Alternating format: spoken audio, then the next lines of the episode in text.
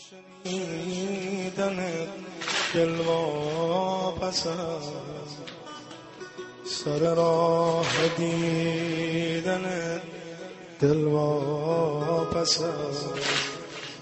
سر راه دیدن دل پس برای شنیدن دل پس سر راه دیدن دل پس جمعه ها میان و میرن نمیان. برای رسیدن دل پس برای رسیدن وجود نازنین امام صادق علیه السلام. هم مکیال المکارم این روایت رو داره. تو بهار این روایت هست.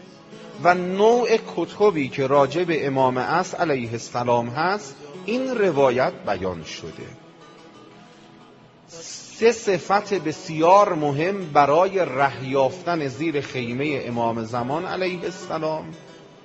و در نهایت و اعلا درجه رسیدن به جایگاهی که بشیم یار امام زمان بشیم از زمره اصحاب مهدی فاطمه علیه السلام این سه مطلب بسیار حائز اهمیته من ترتیب این روایت رو از آخر به اول میگم تا بتونم بحثم رو جمع بکنم و بدون مقدم چینی با همون فراز آخر ذکر توسل و عرض توسلمون رو داشته باشیم. عرض می‌کنم مجدد روایت رو از آخر به اول میام و به این جهت. امام صادق علیه السلام میفرماید اگر می‌خوای یار امام زمان بشی باید متصف به اوصاف حمیده بشیم باید ملتزم بشیم به اخلاقیات. محاسن و مکارم اخلاق باید در ما متجلی بشه. کسی که دم از امام زمان علیه السلام می‌زنه اول کسی است که در وادی اخلاق پیش میره. ارتباط تو خونه و زندگی. خانم چطور ارتباط با شوهرت داری؟ و آیا اخلاقیات رو نسبت به همسرت رعایت می‌کنی؟ آقا آیا احترام و ادب و نزاکت رو نسبت به همسر خودت داری؟ چیزی است که در دستورات ائمه معصومین علیهم السلام اومده و ما باید تو همین وادی قدم برداریم جوان عزیز احترام پدر مادر تو داری؟ مادرت ازت راضیه؟ بابات ازت راضیه؟ پدر مادراتون که از دنیا رفتن به فکر پدر مادراتون هستین؟ اخلاقیات جز اینه احترام متقابل و اتصاف به اوصاف حمیده میفرماید اگر می‌خواد زیر خیمه مهدی فاطمه ره پیدا بکنید شرطش تقواست. تقوا یعنی چی؟ امام در اربعین حدیثشون میفرماید نازلترین و پایین ترین درجه تقوا انجام واجبات و ترک محرماته آیت الله العظما بهجت حفظه الله تعالی از یکی از شاگردانشون نقل می‌کنم که آقا میفرمودن تقوا اول و وسط و آخرش اینه انجام واجبات و ترک محرمات. گناه زیبایی های دل رو رم میده. جوان عزیز من میگم جوان می‌خوام به بزرگترا اساعه ادب نشه. چون خودم رو در حدی نمی‌بینم. بخوام به بزرگتران نصیحت بکنم. جوونا به والله العلی العظیم سوگند به لفظ جلاله دارم می‌خورم. تا مهدی فاطمه در گوشتون ندمیده باشه به دلت نمیاد شب چهارشنبه بلنشی بیای مسجد مقدس جمع کران اون بهت نگاه کرده که بلند شدی اومدی. گوشی که مهدی فاطمه درش دمیده حیف نیست به هر چیز نامربوطی باز بشه. حیف نیست. این گوشتو پاک بکن. بذار یه روز یه صدای دلنوازی به گوشت بخوره. الا یا اهل العالم. این چشمی که بهت اجازه دادن اجازه دادن به گنبد سبز و زیبای جمکران روشن بشه حیف نیست این چشم تو به هر کس و ناکسی بدوزی؟ آخه این چشم تو قیمت پیدا کرده. این چشمی که تا من نام مادر امام زمان رو میارم تو چشمت پر از اشک میشه.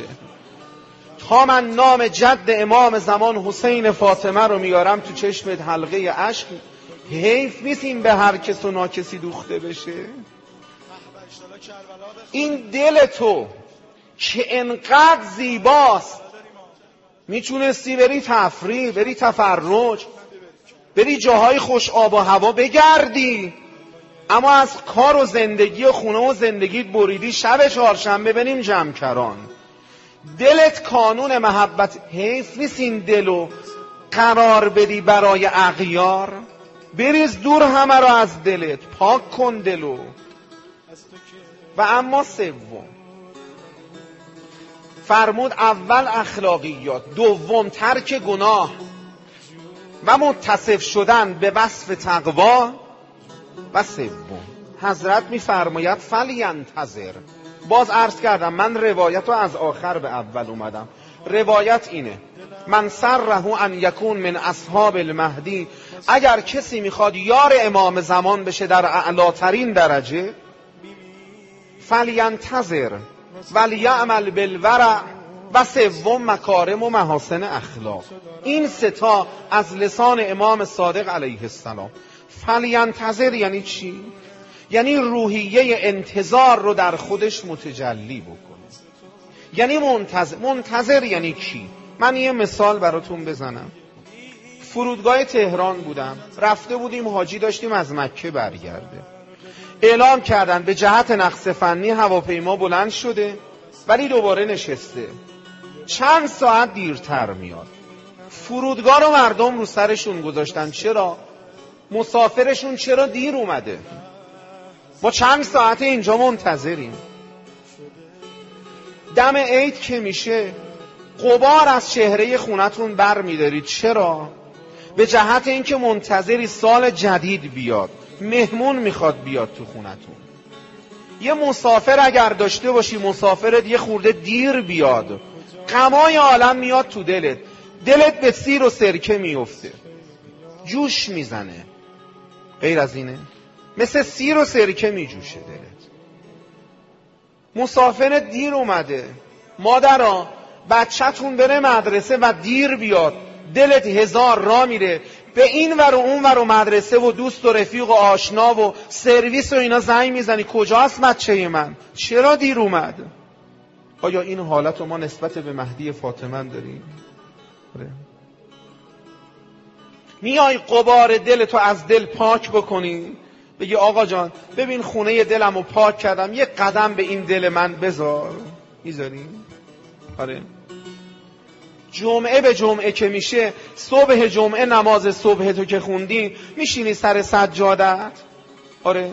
بگی یعنی میشه یعنی این جمعه همون جمعه است که صدای دل رو باشو بشنوم. غروب جمعه که میشه و از یار خبری نمیشه. خدا وکیلی قمای عالم میاد تو دلت. بری یه گوشه زانوی غم به بغل بگیری. ای وا گلده و جمعه ده گل مدونسن جون سایون جمعه دیگر رلسون این جمعه اومد و تو نیومدی. بشمرم تا جمعه دیگه. این غم تو دل داریم برای شنیدن دل پس سر راه دیدن دل پس جمعه ها. میان و میرن نمیاد برای رسیدن دل با برای رسیدنت دل با جمعه ها میپیچت تو سرم. واسه چشمای تو دیوون ترم. جمعه ها مثل یه زندونی میشم که باید با دستای تو بپرم واسه چشمای تو دیوونه ترم بگو کجایی؟ پس کی میایی؟ بگو کجایی؟ پس کی میایی؟ بگو کجا؟ آقا مثل که قرار ما نبینیمت بمیریم. مثل که قرار ما روی قشنگی تو نبینیم ها؟ یبن الحسن بگو. جانم بگو بگو. بگو کجا؟ باش آقا اشکال نداره. ما تو رو نبینیم خیالی نیست. اما تو ما رو ببین آقا. تو این نگاهی به ما بنداز.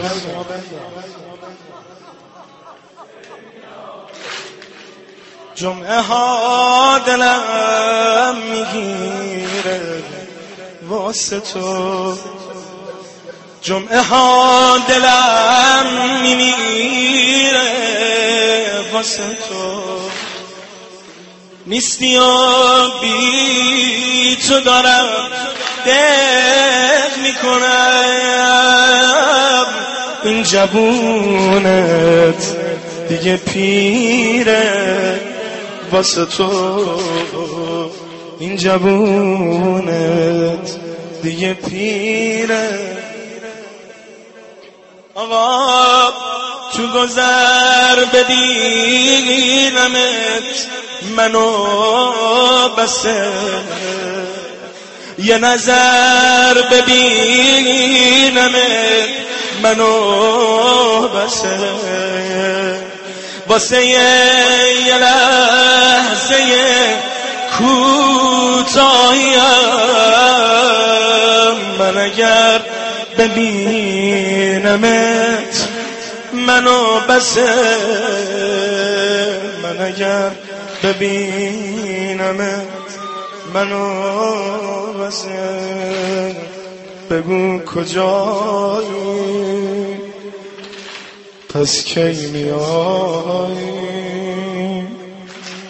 بگو کجایی؟ فائزین دات کام.